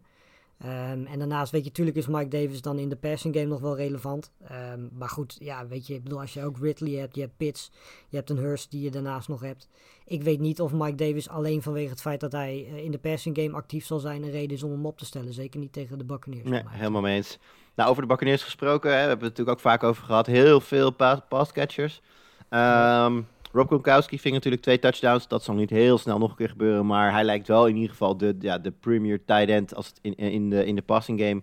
En ook uh, Godwin uh, wordt veel gevonden, pakt veel yards. Dat zijn denk ik de, de wat veiligere keuzes. Maar uh, ja, daarnaast heb je natuurlijk de strijd tussen Antonio Brown en Mike Evans als het gaat om fantasy relevance. nou, week 1 was heel duidelijk voor AB. Denk een van de betere wide receivers die je had kunnen hebben in je team. zeker, als, zeker als je nagaat hoe laag je hem hebt kunnen draften. hoe gaat dit verder? Uh, ik denk dat we om de week dit een beetje gaan afwisselen. Of nou, misschien om de twee weken. Um, ik denk dat als je dit soort matchups hebt, zoals tegen de Falcons, denk ik dat ze allebei gewoon wel startable zijn. Ik denk dat, uh, weet je, het is heel moeilijk in te schatten natuurlijk of Evans of, of AB natuurlijk uiteindelijk dan die goede wedstrijd heeft. Maar als je tegen de Falcons speelt, is er natuurlijk ook gewoon aanwezige kans dat ze allebei een goede wedstrijd hebben. Um, dus wat dat betreft, weet je, moet je ook een beetje naar de matchups kijken in dit geval. -huh. um, maar ik, ik, denk niet per se dat, dat er een, een Brown of een Evans overduidelijk de, de tweede receiver achter een, achter een Godwin zal gaan zijn. Ah, we komen natuurlijk zo meteen nog even op onze buy en sells van de week. Maar uh, is bijvoorbeeld Mike Evans iemand die zou kunnen proberen te buyen na die toch ja, de, ja, slechte week 1? Nou ja, ik denk wel dat hij nu op dit moment een stuk, uh, een stuk goedkoper, een stuk makkelijker is om op te pikken. Alleen ja, als je hem oppikt, moet je natuurlijk ook niet te veel risico nemen. Omdat je weet dat er natuurlijk om hem heen uh, heel veel concurrentie is. Zeker als Gronk ook zo blijft spelen. Ja. En dan uh, de running backs. nou ja, Ronald Jones was de starting running back. fumblede, kwam in principe niet meer aan, aan spelen toe, zo ongeveer. Um, is er iemand in dat backfield die jij aandurft in je line-up? Uh, nee, absoluut niet. Ik heb uh, vorig weekend dat ik, ik heb Ronald Jones in drie van mijn leagues als een soort van uh, ja, safety valve voor mijn twee, drie starting running backs. veel meer dan dat zijn ze op dit moment ook niet. want ja, weet je, Ronald Jones, die had afgelopen week deed sowieso niet veel en had ook nog een fumble. Um, en ja, Fournette deed met negen carries ook niet bijster veel. Um, het lijkt er gewoon op dat ze, en ook meer dan terecht, voornamelijk die passing game willen gaan gebruiken. Want daar lopen uiteindelijk de, de, de wapens. Um, en ik denk, ja, weet je, tegen Falcons kan het natuurlijk zo zijn dat ze dik voorkomen, dat ze gaan rennen. Dat zou kunnen. Um, maar ja, zelfs dan weet je, bedoel, weet je ook niet of een Fournette of een Jones uh, de, meeste, de meeste carries gaat krijgen. Dus ik, ik zou er niet aan beginnen en ik zou ze op dit moment op mijn bank zetten, hopende, ja, hopende klinkt misschien een beetje, beetje raar, maar dat een van de twee geblesseerd uitvalt, zodat je in ieder geval duidelijk weet wie daar de nummer 1 running back is. Ja. Goed, omwille van... Oh, we moeten deze nog callen trouwens, maar ik zei het al, dat zal niet heel spannend, dat zal niet heel spannend worden. Ik ga voor Tampa Bay. En jij ook? Ik ook. Ja, ik ook. Oké, okay, cool. Uh, omwille van de tijd gaan we verder uh, met de rest van de games in een iets hoger tempo. En dan beginnen we bij de zeer verrassend op 1-0 staande Houston Texans op bezoek bij uh, Cleveland. Um, ja, wat valt daar nog uh, op? Ik, ik, ik, zou bijvoorbeeld uh, Schwartz kunnen noemen als wellicht interessante speler bij, uh, bij Cleveland, zolang Odell Beckham uit is. En het is inmiddels al bevestigd dat Odell Beckham dit weekend niet speelt. Ja, nou ja, goed, dan, dan weet je, bedoel, dan ga je meteen natuurlijk naar die namen kijken achter, achter een Landry, Hooper en Joku, Peoples, Jones, Schwartz. Ja, ik vind het nog steeds heel moeilijk om in te schatten wie van de vier dat dan gaat zijn. En Joku was dat afgelopen weekend. Um, maar ja, weet je, ik vind het heel moeilijk om een van die vier aan te wijzen te zeggen van die, die gaat per se achter Landry de nummer twee zijn. Ja, ik, ja weet je, ik denk dat op dit moment Landry, Chubb en Hunt het meest relevant zijn. Kijken we naar Houston, dan uh, denk ik dat het, dat backfield, uh, moet je niet eens naar willen kijken. Ingram, nee. als Ingram nou gewoon de guy zou zijn, zou ik zeggen prima, stel lekker op, wordt leuk. Maar Ingram versus Lindsey versus DJ is natuurlijk niet waar je niet aan moet willen beginnen. Uh, bij de wide receivers, Brandon Cooks eigenlijk altijd onder de radar een hele steady fantasy player. En ook in week 1 weer prima. Hangt natuurlijk wel af of Tyler Taylor dit niveau vast weet te houden. Um, ik denk ja. dat ik hem wel uh, op zou kunnen zou durven stellen. Ook zelfs tegen de, tegen de Browns. Um, maar ja, het is, niet, het is niet een team waar je denk ik heel veel vertrouwen in hebt. Nee, dat denk ik ook niet. En uh, hoeveel vertrouwen hebben we er dan in? Want Houston op bezoek bij de Browns, ja, dan kan ik toch niet anders dan zeggen de Browns gaan winnen. Ja, zeker, Browns. Goed, gaan wij door. Komen we aan in Indianapolis, waar de Los Angeles Rams op bezoek komen bij de Colts. Uh, week 1, Henderson, alle snaps. Uh, uh, Sony Michel maar één, Lars. zie jij dat deze week meer naar Michel toekantelen of blijft het de Henderson show? Um, ik denk dat dat langzaam zal gebeuren dat Michel misschien wel iets meer carries krijgt. Um, en ja, dan moet je vooral in de gaten houden wat Henderson met zijn kansen doet de eerste week. Als die heel erg goed gaat, ja, weet je, dan is er geen reden om dat aan te passen natuurlijk. En blijft Henderson running back 1. Um, maar ja, als Henderson de komende twee, drie weken zeg maar wat mindere prestatie heeft. En we moeten wel wezen, afgelopen weekend, eigenlijk pas aan het eind begon hij echt uh, in zijn ritme te komen. Ja, dan moet je natuurlijk wel in de gaten houden of Michel, Michel misschien uh, wat meer kansen gaat krijgen. En is natuurlijk ook zo dat Michel natuurlijk nog steeds eventueel uh, touchdowns van, van Henderson af kan pakken. Omdat, ja, weet je, Michel is natuurlijk wel iemand die uh, op dat soort plekken in kan zetten. Ja, nou, het Stafford natuurlijk een heel goed, uh, heel goed debuut. Een naam die ik hier opgeschreven ja. heb is Van Jefferson. Kijk, we weten allemaal Robert Woods, Cooper Cup. Dat zijn de eerste twee wide receivers dan een tijdje niks en dan de rest. Van Jefferson deed een heel aardige poging om een hele legit nummer 3 te worden. En misschien wel een aanval te doen naar de plek van een van, eh, een van beide heren. Dus wellicht is dat ook nog een, eh, een eh, interessante naam. Colts, Lars, als we dan gaan kijken. afgelopen week uh, Naeem Hines, dik contract getekend. Betekent dat nog iets voor, nou ja, goed, voor hem wel, want hij zal waarschijnlijk actief blijven. Maar is dit dan al een bedreiging voor Taylor? Eh, nou ja, weet je, op een of andere manier weet eh, Heinz zich toch elke keer weer eh, fantasy relevant te maken. Want volgens mij had hij afgelopen week ook zes catches of zo. Bijna 50 yards. Dus weet je, dat, alleen dat al maakt, hen, wat maakt Heinz natuurlijk een interessante naam. Ook omdat je weet dat de rest van de receivers niet zo, niet zo heel indrukwekkend zijn. Ja. Ehm, maar goed, volgens mij had Taylor zelf ook al zeven targets in de passing game. Ehm, dus eh, ja, weet je, ik, ik vind dat heel moeilijk. Weet je, ik zou voorlopig nog steeds bij Taylor blijven. Maar Heinz is een beetje dezelfde situatie als een McKissick. Ja, zeker in het Boulder Rams zijn natuurlijk een goed team. Kans dat de Colts achterkomen is aanwezig. Meer gooien. Ja. Ik denk dat dit best een, een, een Naheem Hines game zou kunnen zijn. Zeker, ja. De, ik zei het al, de Rams is een goed team. Dus het zal niemand verbazen dat ik hier de Rams heb, ge- heb gekozen. Eh, ja, ik ga ook voor de Rams. Uiteraard gaan wij door naar de strijd om de nummer 1 plek in de AFC East. Eh, de Buffalo Bills natuurlijk ja, toch wel verrassend verloren van, eh, van de Pittsburgh Steelers. Ik denk niet dat, in eigen huis ook nog. Ik denk niet dat veel mensen dat hadden voorspeld. Eh, gaan op bezoek bij een Miami die natuurlijk nipt wisten te winnen eh, tegen de Patriots. Ehm, ja, is het meteen al een belangrijke wedstrijd voor de Bills natuurlijk. Als we even heel even fantasy loslaten. Want mochten ze nou niet weten te winnen in Miami, dan staan ze meteen 0-2. Nou ja, dan gaan er natuurlijk Ja. meteen allerlei registers open van statistieken die zeggen... teams die 0-2 beginnen, die hebben maar zo weinig kans om de play-off nog te halen. Ehm, Nou denk ik dat de Bills eh, op papier in ieder geval eh, het, het meest getalenteerde team zijn in deze divisie. Dus dat er zelfs bij nederlaag nog niet heel veel zorgen is. Maar ja, zie jij eh, dan toch zie jij de alarmbelletjes gaan rinkelen in, in Buffalo als dit een, een nederlaag wordt? Nou, dat, ja, dat hangt er natuurlijk ook een beetje af wat voor nederlaag het wordt. Weet je, ik bedoel, als, als Miami straks op een of andere manier die Bills offense weet uit te schakelen. dan denk ik 38-3 dat er- voor Miami. nou, dan, dan zijn er zeker zorgen, denk ik, als dat gebeurt. Eh, maar nee, het, het hangt er een beetje vanaf hoe ze verliezen. Weet je, als, als inderdaad Miami die, die, die offense van, van de Bills tegen kan houden, dan zou ik me toch wel zorgen gaan maken. Weet je, ik bedoel, de Steelers defense is natuurlijk gewoon ijzersterk. Dus dat je daar een keer door verslagen kan worden, dat, dat kan gebeuren. Zeker in een week 1. Eh, maar ja, als het bijvoorbeeld een team als Miami dat ook voor elkaar kan krijgen, dan is het toch wel iets om, om, om je zorgen om te maken. Ja. Ehm, nou ja, Allen, eh, Josh Allen en Stefan Diggs hadden natuurlijk allebei een vrij teleurstellende week 1 in fantasy.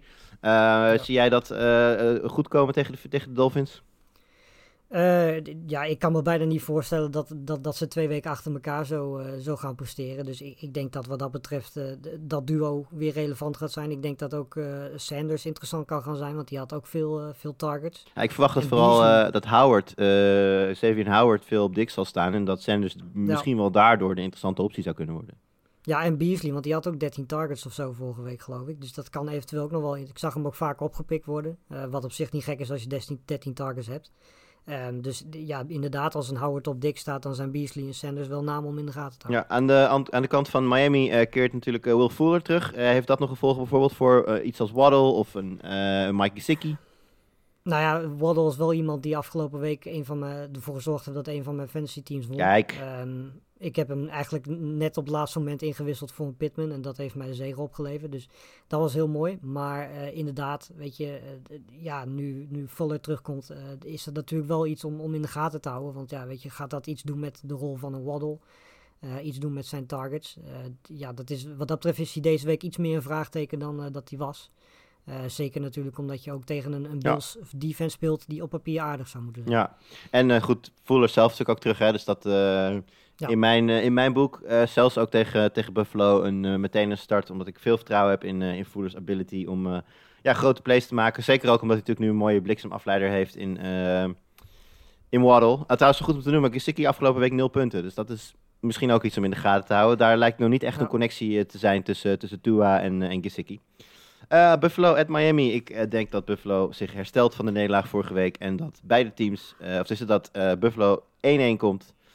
En Miami, eh, ja, wat, ja, beide 1-1 dan. Want ze hebben, ze hebben gewoon, sorry, ik was heel even de draad Ja. kwijt. 1-1. Buffalo gaat winnen, daar gaat het om. Ik snap wel dat jij die nederlaag van de Patriots al uit je hoofd gezet Hè? hebt. Nederlaag? Eh, ik kies hier ook de Bills. Oké, eh, nou ja, we noemden ze net al, ehm, de Steelers. Lars, uh, Najee Harris speelde alle snaps. Is hij nu gewoon dan misschien Ja. wel, ja, na Christian McCaffrey, Cook, et cetera, de, de, de running back die je wil hebben in je team? Eh, ja, dat lijkt mij wel. Ik ben, zeker tegen als je zo'n weekend hebt als dat je tegen de, de Raiders speelt. Ik denk dat dat toch wel een, een, een matchup is waarvan je zegt van ja, daar ga ik, weet je, normaal speel je, st- start je er sowieso al wel op. Maar het was natuurlijk een beetje afwachten, hè? Rookie, rookie running back. Eh, ondanks dat het redelijk duidelijk was dat hij running back 1 zou zijn. Ehm, was het toch even afwachten hoe dat zou uitpakken. En ik denk dat dat, eh, nou ja, na de eerste week wel duidelijk Ja. is.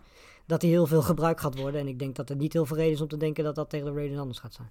Ja, en eh, goed, eh, daar heb je veel vertrouwen in. Ik heb zelf een stuk minder vertrouwen in de passcatchers. Big Ben gooide afgelopen, eh Roethlisberger gooide afgelopen week maar één pas over meer dan 20 yards.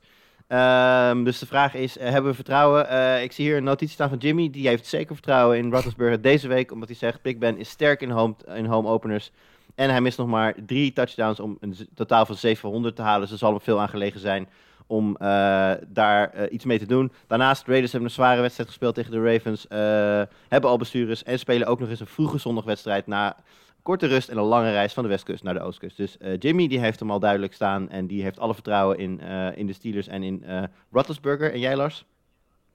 Eh, nou, iets, iets, iets, ietsjes minder, denk ik. Het- als ik nog een receiver zou moeten uitkiezen waarvan ik zeg, daar zou ik dan nog wel vertrouwen in hebben, is Schuster. Omdat hij qua, qua speelstijl en dat wat inderdaad, hè, wat we net zeggen, hij gooit gewoon niet zo heel ver meer, uh, Rattlesburg. En ik denk dat de Schuster dan eh, ook gewoon vanwege zijn speelstijl daar wel Ja. aardig bij past. Helemaal eens. Dus ik denk dat Schuster dan het meest, eh, meest relevant nog is qua receiver. Aan de andere kant hebben we natuurlijk Darren Waller, hè, Waller de baller, die ongeveer 200 targets per wedstrijd krijgt. Dat is, eh, als, hij, als hij echt zoveel ballen blijft krijgen, dan zou hij nog wel eens de, de, de tight end kroon van Travis Kelsey kunnen stelen aan het eind van het jaar.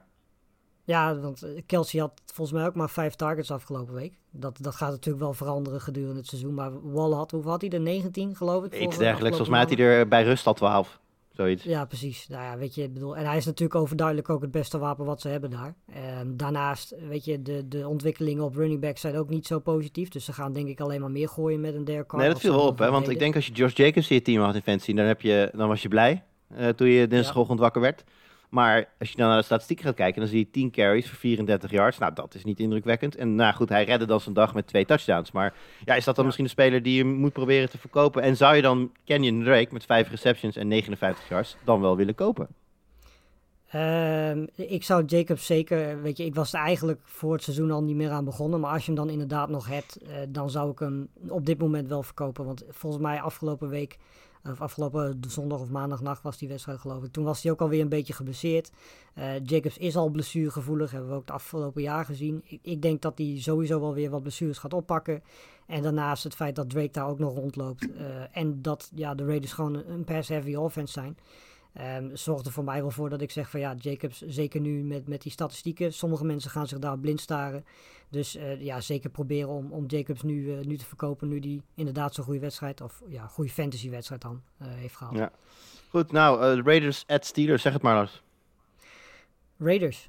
Mooie call. Ik, ga, ik, ik, ik volg Jimmy zijn, zijn, ja, zijn theorie ten dele. Ik denk inderdaad dat de home opener gewoon naar, eh, naar Pittsburgh gaat. En Pittsburgh heeft ook wel gewoon een, best wel een track record om gewoon goed aan de seizoenen te beginnen. En dan helemaal in elkaar te donderen, net als vorig jaar. Ja. Dus eh, ik eh, denk dat dat wel een, een overwinning gaat worden voor Pittsburgh. New Orleans Saints gaan op bezoek bij de Carolina Panthers. Ehm, nou ja, over Carolina kunnen we We denk ik... hoeven het niet over de Saints te hebben. Wat zeg je? We hoeven het niet over de Saints te hebben, toch? Nee, over de, over de Carolina Panthers wel.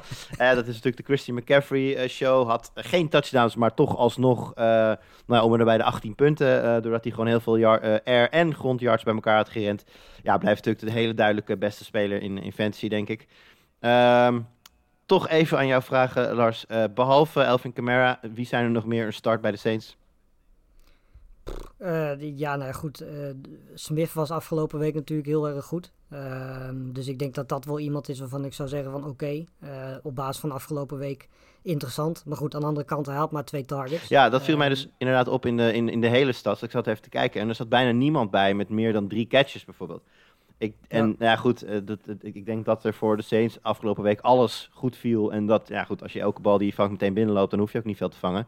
Maar ehm, ik zie niet heel veel aanknopingspunten voor mensen die ik echt graag in mijn line-up zet. Ook niet tegen de Panthers, die nou ja, een, een oké, maar niet fantastische defense hebben. Er liggen zeker kansen. Maar ik zou echt niet weten wie ik zou moeten, moeten aanraden. Normaal gesproken, voor het seizoen hadden we gezegd eh, Marcus Callaway.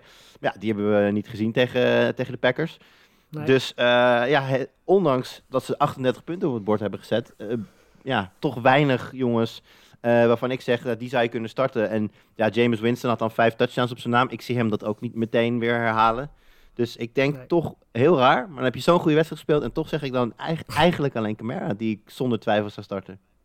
Ja, nee, als ik dan nog zou kijken, zou ik bij de tight ends kijken. Want Jones had natuurlijk twee touchdowns, weet je wel. Maar ook weer drie targets, eh, maar wel twee touchdowns. En, en Troutman had ook zes targets. Dus eh, die was met afstand degene die in de passing game meest gezocht werd. Ehm, maar inderdaad, weet je, ja, als je, als je daarop gaat gokken, weet je, het is het blijft een grote gok. En het hangt er ook vanaf wie je op tight end hebt natuurlijk. Maar ja, als ik een gok in de passing game zou wagen, dan zou ik eh, toch eerder naar de tight ends kijken dan, eh, dan naar de receiver. Ja. Goed, gaan we hem callen. Ik eh, heb vertrouwen dat Carolina de CMC-show gaat uitbuiten en het net genoeg, go- goed genoeg gaat doen op defense om te winnen van de Saints. Klein upsetje denk ik, maar moet kunnen. Ehm, ja, ik ga ook voor de Panthers, denk ik. Nou, jij bent gewoon nog boos. Eh, Ik ben zeker nog. Goed, hebben we nog eh, vier wedstrijden te gaan. Eh, Denver, Jacksonville. Denver natuurlijk een prima start gezien van, van Bridgewater. De vraag is of je dat kan vasthouden. Slecht nieuws natuurlijk, Jeremy Judy geblesseerd geraakt. Zes tot acht weken eruit. Ehm ja, Lars, wat betekent dat voor de, voor de passcatchers van Denver verder? Eh, nou ja, goed. Ja, ik vind dat heel moeilijk. Want weet je, vorige week was het al redelijk onduidelijk eh, wie daar de duidelijke nummer 1 was. Volgens mij was Fant met acht targets de, de, de duidelijke nummer 1. Maar daarachter had je heel veel mensen die op vier of drie targets zaten. Ehm, en de- ja, weet je, een, een Fant, een Hamler, een Patrick, die gaan natuurlijk allemaal meer kansen krijgen. Het viel mij heel erg op dat Sutton heel erg afwezig was vorige week. Dus daar verwacht ik misschien ook wel iets meer van eh, deze week. Ik denk dat ze op zich allemaal wel startable zijn, want je speelt tegen Jacksonville. Mhm. En ja, weet je, als de Texans al zoveel punten kunnen scoren, dan moet Denver dat ook kunnen, eh, lijkt mij. Ja. Ehm, maar ondanks dat, ja, weet je, je hebt daar zoveel wapens. Ehm, zeker nu Judy uitgevallen is, gaan er nog meer targets naar hun komen. Dus het, het is moeilijk, weet je, want je weet gewoon niet. eh, je, hebt geen ja, wedstrijd hiervoor gehad waarop je op basis kunt zeggen van zonder Judy zoveel krijgt eh, die en die een target. Dus het, het is en blijft een gok eh, wat dat betreft. Ehm, maar als ik zou moeten kiezen, zou ik voor Fant gaan, denk ik. Alright, eh, nou net zo lastig is eigenlijk dus de running back situatie. Melvin Gordon had een productieve week, eh, maar Javonte Ja. Williams had meer carries. Dus dat, eh, nou, we hadden eigenlijk al verwacht dat dat dit seizoen ergens ging gebeuren, maar niet per se in week 1. Dus dat is iets om in de gaten te houden. Gor- Gordon scoorde wel meer. Gordon is ook een sell high trouwens nu. Melvin Gordon. Ja, Ja. absoluut. Eh, andere kant, eh nou ja, we hebben natuurlijk eh, de start gezien van Trevor Lawrence aan zijn carrière. Verloor voor het eerst in zijn leven een regular season game. Dat was hem nog niet Ja. gebeurd in de high school of in, of in college. Ehm, zijn targets gingen naar DJ Chark, naar LaVisca Chenault en naar Marvin Jones. 12, 10 en 9. Eh, wie van die drie vertrouw jij het meest, Lars? O'Shaughnessy. Nee. ja, die kreeg er 8. Dat is de tight end, hè? Die kreeg er 8. Ja, precies. Ja, nou, ik zag ook wel dat hij een paar keer opgepikt werd, maar dat is mij nog wel iets. Weet je, feit is wel natuurlijk dat eh Lawrence gooide ook 51 keer, geloof ik. Dus dat wordt een heel pass-heavy offense, wat ook terecht is als je zo'n quarterback hebt. Ja. Eh, maar inderdaad, weet je, ja, Chuck Jones en Chenault zijn natuurlijk wel de meest, eh, de meest relevante opties. En aan de running back zou ik op dit moment niet beginnen. Gaan we, gaan we door. Eh, Denver tegen Jacksonville. Ik, eh, ik wil heel graag Jacksonville zeggen. Omdat ik, het ook, omdat ik het ook zo gun. Ik vind het een leuke offense om Ja. naar te kijken. Maar ik denk dat de Denver die beter is dan die van Jacksonville. En dat Denver dit toch gewoon gaat winnen.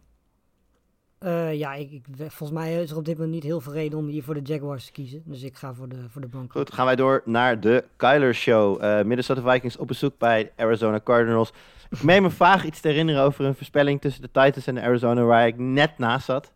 Ik had een hele dikke overwinning voor de Titans voorspeld. Nou, dat niets bleek minder waar. Eh, ik, ik, denk, ik denk dat ik niks te veel zeg als, als ik zeg dat Kyler Murray in MVP-vorm was. En eh, met name eh, was dat goed nieuws voor, voor Hopkins natuurlijk. Ehm, daarachter, eh, om het eventjes fantasy relevant te maken, dit, dit gesprekje. Hopkins uiteraard easy start, maar daarachter vind ik het lastig. Omdat ik had verwacht dat Rondell Moore een grotere rol zou krijgen. Die heeft hij nog niet.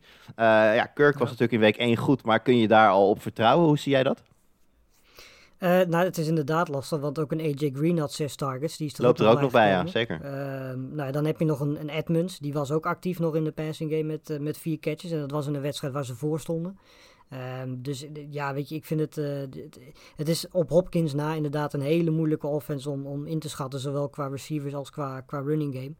Het enige wat je weet is dat Arizona veel punten gaat scoren. Je weet alleen, alleen niet waar die punten naartoe Ja, gaan. nou hebben we natuurlijk wel gezien Eh, bij de Vikings. Hè, die hebben natuurlijk wel eh, tegen drie verschillende receivers van Jacksonville een touchdown opgegeven.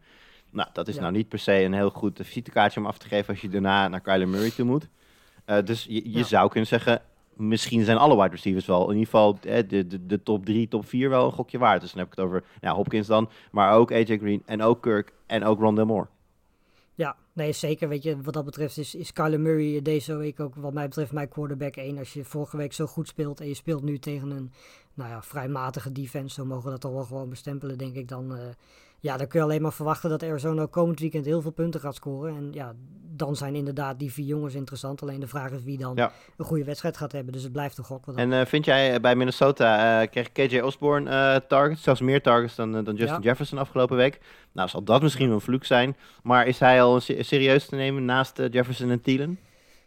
Ehm, ik denk wel dat dat, weet je, dit gebeurt natuurlijk niet zomaar. Eh natuurlijk stond, en Minnesota stond achter volgens mij ook lange tijd in die wedstrijd. Dus dat heeft natuurlijk ook wel een beetje mee te maken. Ze gaan natuurlijk meer pasen dan op dat moment. Ehm, maar ja, weet je, dat hij net zoveel targets krijgt als Thielen en Jefferson, dat is vrij opvallend. Ehm, ik denk uiteindelijk wel dat hij gewoon die nummer drie rol zal gaan aannemen. Ja. En dan, ja, dan wordt hij natuurlijk alleen relevant als je de juiste matchups hebt. En eh, tegen Arizona zou dat kunnen, want we weten hoe hun situatie is eh, op cornerback bijvoorbeeld.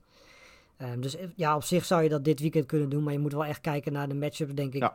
totdat een keer een Thielen of Jefferson geblesseerd raakt. Ik zei trouwens net dat Minnesota drie eh, verschillende wide receivers van Jacksonville liet scoren, maar dat was natuurlijk Cincinnati. Foutje van mij. Eh, ik heb hier eh, vrij makkelijk Arizona. Ja, zeker. En jij uiteraard ook. Nou, nog twee te gaan. Tennessee. Ja, ik zei het al, veel van verwacht vorige week, maar een totale off-week. Eh, we zagen naar AJ Brown af en toe. Julio schijnt op het veld te hebben gestaan, ik heb hem niet gezien. Eh, is, dit, eh, is, is dit gewoon even een off-week of is er meer aan de hand, eh, Lars? Ik ga je deze vraag straks nog één keer stellen trouwens, maar ik zeg nog niet wanneer. Nee, ik, denk niet dat dit. weet je, Arizona heeft, heeft gedaan wat ze moesten doen tegen, tegen Tennessee. En dat is ten heel onder druk zetten.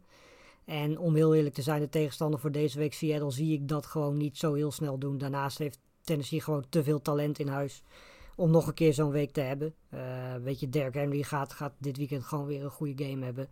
Ehm, en ik weet je, ja, volgens mij was afgelopen week was Rodgers de beste receiver bij de Titans. Nou ja, dat is natuurlijk op zich al heel opvallend, want volgens mij zijn heel weinig mensen die weten wie, eh, wie Rodgers is. Chester Rodgers wel te verstaan. Ehm, maar nee, ik denk dat, dat zeker Brown en Jones, weet je, die kregen ook wel gewoon de targets. Ze deden er alleen niet zoveel mee. Ehm, dus het is een kwestie van tijd inderdaad voordat Tennessee een keer gaat exploderen. En dat zou tegen Seattle goed kunnen. Nou, aan de andere kant, Seattle, eh nou ja, het let Russ Cook is natuurlijk de, de, de, de- zijn de magische woorden. En zolang dat eh, eh, gebeurt, denk ik dat zowel eh, DK Metcalf als, eh, als Tyler Lockett een makkelijk startbare wide receivers zijn. Chris Carson was de duidelijke nummer 1 in de running game. En eh Gerald Everett, met name door een touchdown, eh, zeer fantasy-relevante dag vorige week. Wat ik al zei, volgens mij had hij drie catches, twee of drie catches. Dat is lastig om daar week in, week uit op te, op te bouwen. Maar ik heb hem veel gedraft. Ik had goede hoop op Everett, dus ik eh, zal hem ook nog zeker even laten staan. Eh, Tennessee Seattle, eh, Lars. Ik denk dat deze wedstrijd misschien wel de moeilijkste is om te voorspellen van de hele week. Ja, zeker. Ehm, Ja, want vooral omdat ik verwacht, kijk, ik, eh, direct na vorige week had ik gezegd zeker dat Seattle ook gaat winnen van de Titans. Maar ja, je verwacht natuurlijk wel, een, een- je gaat dan nadenken en dan denk je, ja, er moet wel een reactie komen vanuit de Titans. Maar ik denk in Seattle dat Seattle toch wel gaat winnen. Nou ja, ik, weet je, ik, ik denk dat dit gewoon een en al puur offense gaat zijn. Want ook Tennessee gaat, eh, gaat Seattle niet tegenhouden. Dus alle spelers van Seattle die je hebt. Dus eh, de Carson, en Lockett en Metcalf gewoon lekker Tuurlijk. opstellen. Want die gaan echt wel punten pakken. Ehm, maar in een shootout, ja, ik kan me in een shootout gewoon heel moeilijk voorstellen dat Tennessee dat verliest. Zoals bijvoorbeeld bij de Chiefs ook altijd het geval is. Dus ik ga toch voor, eh, voor Tennessee. Dat is een mooie call. En dan de laatste game. Ja, sorry Lars, het moet er een keer van komen. We konden het niet, we konden het niet eh, altijd uit de weg gaan. De Green Bay Packers, vorige week natuurlijk eh, geweldig op de broek gehad van, eh, van de Saints. En eh, ik heb hier in mijn notes geschreven, arme, arme Lions. Want dit wordt een Rodgers statement game.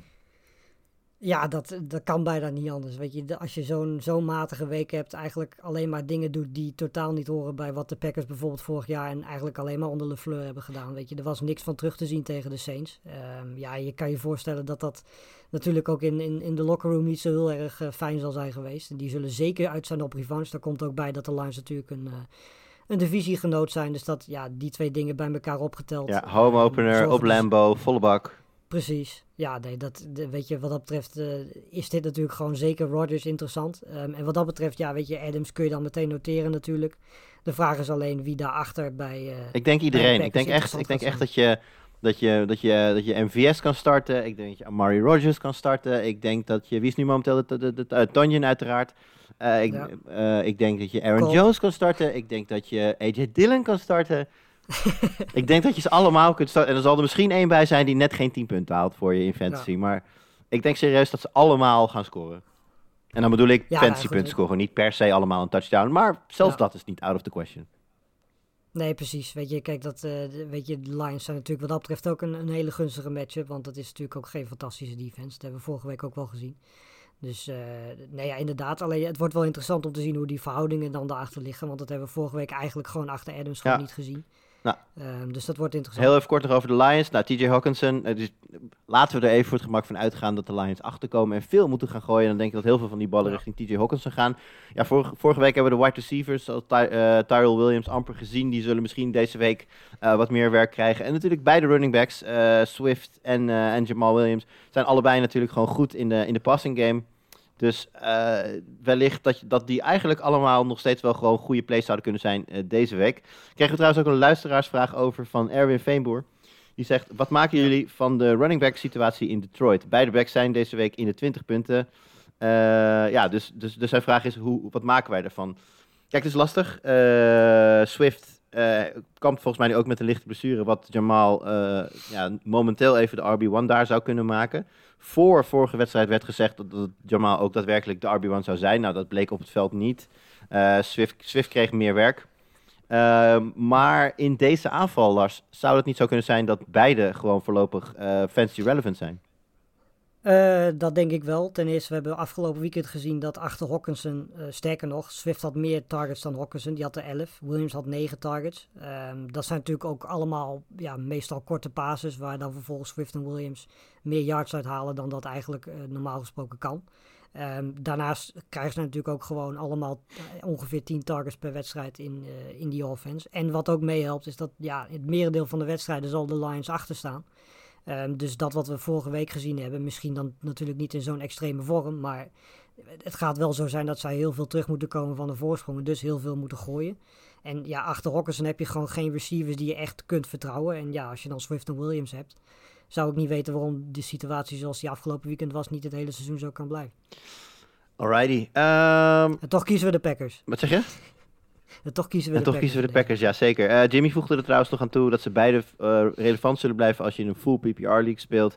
Eh, Ja, in een andere league is het een kwestie van tijd voordat Swift helemaal fit is. En als dat eenmaal het geval is, dan wordt hij een RB1 en Jamal een flex. Ja. En daar heeft hij gelijk in. Ehm, voordat we naar buy and sell gaan, hadden we nog een andere vraag van de luisteraars van Guando16. Eh, en die vraagt aan ons twee, Lars, want hij speelt namelijk tegen Jimmy eh, in, een van, in, in een van Jimmy's 100 leagues. Dat is denk ik een, een goede inschatting. Eh, wie te starten? Melvin Gordon of Henderson? En daarnaast Corey Davis of Jacoby Myers? Nou, die tweede is voor mij redelijk duidelijk, Corey Davis. Ja, eens. Ehm, de eerste vind ik iets lastiger, omdat dat denk ik ook wat meer afhangt van hoe de, de, de wedstrijden van beide spelers zullen gaan. Je zou op papier zeggen Gordon, na afgelopen week. Eh, dan moet ik even kijken tegen wie ze allebei ook alweer spelen. We Denver er tegen Jacksonville en de. Rams die gingen naar Indianapolis. Ja, nou dan op basis van die, die matchup zou ik dan voor Gordon kiezen, denk ik. Mm, ja, ik, eh, ik ben het daar eh, mee eens. Goed, ik zei het al, buy en sell of de week. Wat we gaan doen is elke week per persoon een speler aanwijzen om te targeten in trades. Of juist om te proberen te verkopen op basis van recente resultaten. Dus waar je naar kijkt is een speler die erg teleurgesteld is. Misschien dat de, de speler die hem heeft in zijn fantasy team er eigenlijk vanaf wil het niet meer ziet zitten. En dan zou je daar een goede aankoop aan kunnen doen. Terwijl je zelf misschien wel een speler hebt die het eigenlijk veel te goed heeft gedaan. En als iemand die wil kopen, dan is de winkel natuurlijk altijd geopend. Eh, Lars, wie zijn jouw eh, selecties voor deze week? Ja, ik, heb- we hebben het er eerder al over gehad. Sterling Shepard vind ik een, een hele interessante naam. Er is misschien zelfs wel kans dat je hem nog een beetje op kan pikken vanuit eh, de waiver wire natuurlijk. Eh, maar als iemand hem heeft, is de kans vrij groot dat hij op dit moment niet opgesteld wordt. En eh, we hebben tot nu toe de afgelopen twee weken gezien dat hij best wel veel targets krijgt zonder dat hij daar echt per se een hele hoge productie aan vasthangt. Eh, waardoor waarschijnlijk zijn waarde op dit moment eh, nog niet zo heel hoog is. Ehm, en ik denk dat, dat die rol van Shepard gewoon zo zal blijven. Zeker ook omdat de Giants veel achter zullen komen eh, gedurende dit seizoen. En dus ook veel zullen pasen. Ehm, en ik denk dat Shepard dan, ook omdat hij goed past bij de stijl van Daniel Jones... eh, ja, gewoon het hele seizoen heel veel targets gaat blijven krijgen. En, en mede dus omdat hij tot nu toe nog niet per se die productie ook in fantasy productie heeft uit laten, laten komen, denk ik dat hij op dit moment iemand is die je nog redelijk goedkoop voor zou, zou kunnen traden. Of dus inderdaad misschien zelfs wel van de waivers afkoppelen. Ik heb eh, mijn buy voor deze week is eh, Ezekiel Elliott. Uh, zeer teleurstellende game tegen Tampa Bay. Nou is dat niet zo raar. Maar het, het teleurstellende vorige jaar ligt natuurlijk nog vrij vers in het geheugen bij heel veel managers. Zeker managers die we vorig jaar hadden en dit jaar misschien wel weer. Ja, die ziet misschien de bui een beetje hangen. Een bui waarvan ik denk dat hij er niet gaat komen. Ik denk nog steeds dat Elliot een heel sterk fantasy jaar gaat draaien. Dus wellicht is het een goed moment om de, om de Elliot-owner is, uh, is te vragen van... Goh, uh, waar ben jij naar op zoek als ik Elliot van je zou willen kopen? Nou ja, dat zal niet goedkoop zijn, maar wellicht goedkoper dan normaal. En uh, Jimmy die zegt iedere running back die in ronde 1, tegen, die in ronde 1 is gedraft en tegenviel. Dus Aaron Jones, Zeke en Henry. En ook inderdaad, Henry viel natuurlijk ook gewoon tegen. Ehm, gaan we naar de cells toe, Lars. Ik heb daar Tyler Lockett neergezet. En wel met de reden dat Tyler Lockett... Was, het is, nou, ik zal niet zeggen waarschijnlijk, maar het is goed mogelijk dat Lockett niet uh, de rest van dit seizoen niet meer dichter bij een WR1-status komt dan hij nu heeft. Hij, is, hij was natuurlijk hè, de, de, de meest scorende speler in fantasy namens uh, Seattle deze week. DK Metcalf ja. is normaal gesproken de number one target daar. En Lockett heeft heel erg de neiging om per seizoen een, uh, een, wedstrijd of drie heel erg goed te scoren. En dan ook echt boven de 20, soms boven de 30 punten te komen. Maar dat dan op te volgen met een week of drie onder de 10. En dat is gewoon heel lastig. Ja. Je wil spelers die. Je hebt liever een speler die elke week strak 15 punten scoort. dan iemand die de ene week 40 en de andere week 5 scoort. Want ja, dan verlies je matchups op basis van die, uh, van die grilligheid. Tyler Lockett is daar gevoelig voor. Ik denk dat zijn waarde uh, momenteel uh, heel erg hoog staat. En dat je daar je voordeel mee zou kunnen doen. Ja, nee, helemaal mee eens. En jij hebt opgeschreven. Uh, David en Joku, omdat ik, uh, ja, weet je, ook hier weer is de kans groot dat hij misschien nog wel op de, op de waiver wire staat. Uh, ik heb op, op dit moment op cel staan, simpelweg vanwege het feit dat hij natuurlijk afgelopen weekend best wel goed was. Uh, en daarnaast natuurlijk nu OBJ geblesseerd is geraakt. Dus er gaan mensen zijn die kijken van, oké, hoe heeft hij het vorige week gedaan? OBJ is er niet bij. Zou ik dan een David en Joku moeten, moeten, voor moeten gaan traden als iemand die bijvoorbeeld heeft? Zeker in Dynasties is de kans aanwezig dat hij nog uh, op roster staat. Um, ja, dan kun je denk ik een Njoku op dit moment voor veel meer dan dat hij uiteindelijk waard gaat zijn uh, verkopen. Omdat mensen het gevoel hebben, oh, OJ Beckham is weg, hij krijgt nu veel kansen. En ik kan mij bijna niet voorstellen dat dat, ja, dat, dat dit hele seizoen doorgaat. En Beckham gaat natuurlijk ook terugkomen. Ja. Dus, en heb je de Hooper rondlopen ook? Precies, dus weet je, ja, er gaan mensen zijn die daar dan op overreageren. En daar kun je op zich ja, gebruik van maken. Ja, absoluut. Nou, uh, Jimmy heeft uh, meerdere namen opgeschreven. Ik haal er even twee tussenuit. Hij zegt uh, Gronk, Rob Gronkowski. Hij zal goed blijven, maar niet acht receptions en twee touchdowns goed. Ja. vind ik jammer, want ik heb net met, met onze wel gestelde Luc een trade gemaakt. Mijn Marvin Jones gaat naar zijn team en ik heb Rob, Rob Gronkowski van hem overgenomen. Omdat ik in dat team Gerald Everett had en na drie catches niet overtuigd ben van zijn long-term fantasy value. En met Gronk iets ja. meer. Dus ik hoop dat, uh, dat Jimmy hier ongelijk heeft. Daarnaast zegt Jimmy ook, Robbie Anderson is weer terug naar zijn Jets-rol als field stretcher. Dat maakt hem dus enorm boom en bust, uh, boom or bust. Wat hij natuurlijk bij de Jets was. Vorig jaar had hij een hoge floor, kreeg hij veel targets. Maar uh, Jimmy zegt, ja, Terrace Marshall zijn erbij gekomen. CMC is weer fit. Dus boom or bust in plaats van een safe floor. Nu verkopen na zijn touchdown in zijn enige reception op drie targets afgelopen week. En ik denk ja. dat dat wel eens een heel goed advies zou kunnen zijn. Ja, laat duidelijk zijn dat dit niet voor Dynasty geldt, maar gewoon voor, voor leagues waar je één seizoen Ja, nee, nee, absoluut. In principe, alles wat we hier zeggen heeft, heeft direct betrekking ja. op, uh, op uh, redraft leagues. Uh, dus laat er trouwens wel eentje, eentje van Jimmy over. Die had ik eigenlijk op willen schrijven. Dat is Josh Jacobs. Ja. die hebben we eerder ook al besproken.